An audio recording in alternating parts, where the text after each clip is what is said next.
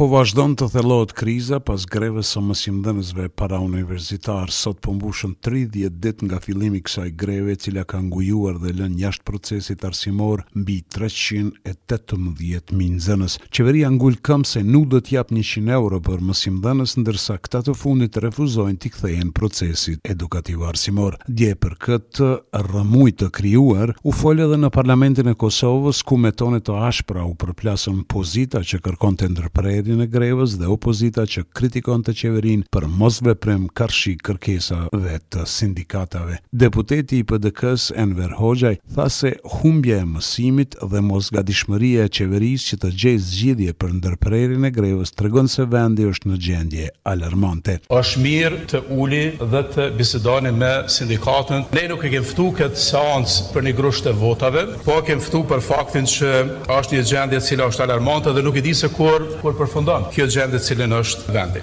Teksa kërkoi zgjidhje nga qeveria, edhe Pal Lekaj i AAK-së tha se Si pasojë e grevës po humbin shumë nxënësit dhe mësuesit. Shteti është duke pësuar nga ky ngërç i krijuar dhe pamvarësisht rrethanave barrën e përgjegjësisë për zgjidhje e ka qeveria pasi janë duke pësuar nxënësit mësimdhënësit duke pësuar janë prindërit të cilët duhet të mos punojnë për t'u përkujdesur për fëmijët Pas kritikave nga opozita, kryeministri Albin Kurti tha se greva e shpallur nga Bashkimi i Sindikatave të Pavarura të Kosovës më shtatëmbëdhjetë gusht në ditën kur ai ishte në Bruksel për dialog me Serbinë është politike dhe po shfrytëzohet nga opozita. Është një lloj mosnjohje kronike e rezultatit të katërmbëdhjetë shkurtit vitit kaluar. Për besë ky është problemi. Nuk kam çka bëj unë. Populli ka votu. Halli është që unë jam kryeministër. Nuk është halli që s'po shkojnë nxënësit në shkolla. Ky është halli kryesor. Dhe greva po përdoret si armë kundër kryeministrit. Kurti tutje tha se nuk mund të ofrojë më shumë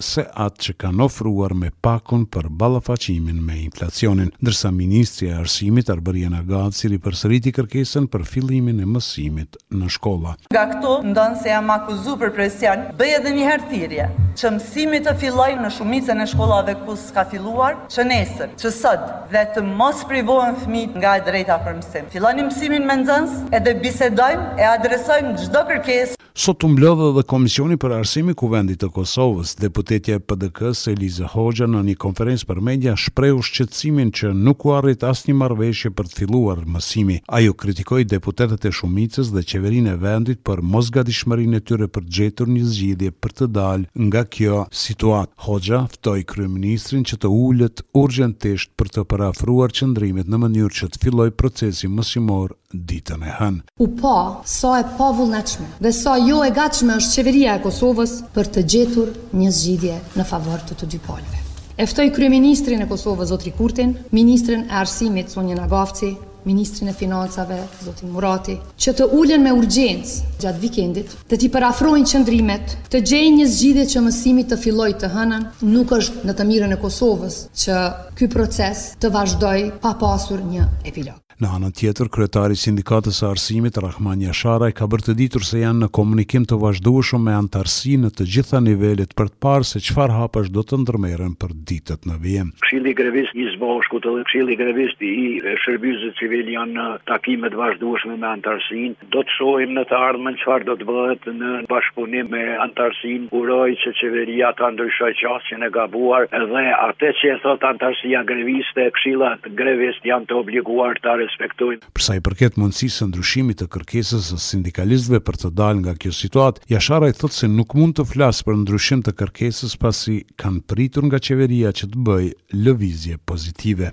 Nëse qeveria do të na thoshte se është e prirë për të lëvizur dhe do të kërkonte nga ne mirëkuptim, ne atëherë do t'i drejtoheshim anëtarësisë. se qeveria po kërkon mirëkuptim që të lëvizim nga kjo shuma që e kemi përmendur, mirëpo qeveria në takim ka qenë e prerë atë që po themi ne dhe pikë dhe prandaj nuk e kemi hap këtë temë. Kryeministri i Kosovës Albin Kurti ka folur për dialogun me Serbinë, duke theksuar se raportet ndërmjet dy vendeve normalizohen vetëm me marrëveshje ligjërisht të obligueshme me njohjen reciproke në qendër. Kreu i qeverisë po ashtu ka mohuar se ka ndonjë kornizë të re për dialogun duke theksuar se nuk është e drejtë të komentohen dokumentet që nuk kanë autor. Ne raportet duhet t'i normalizojmë. Ky normalizim i raporteve duhet të bëhet me marrëveshje ligjërisht të obligueshme, me ç'rast në qendër të saj duhet të jetë njohja reciproke. Qarkullojnë dokumente të ndryshme, Unë besoj që nuk është as e dobishme as e drejtë që unë t'i komentoj ato dokumente të cilat nuk kanë autor, por bëhen për të matur pulsin e qytetarëve dhe të politikanëve.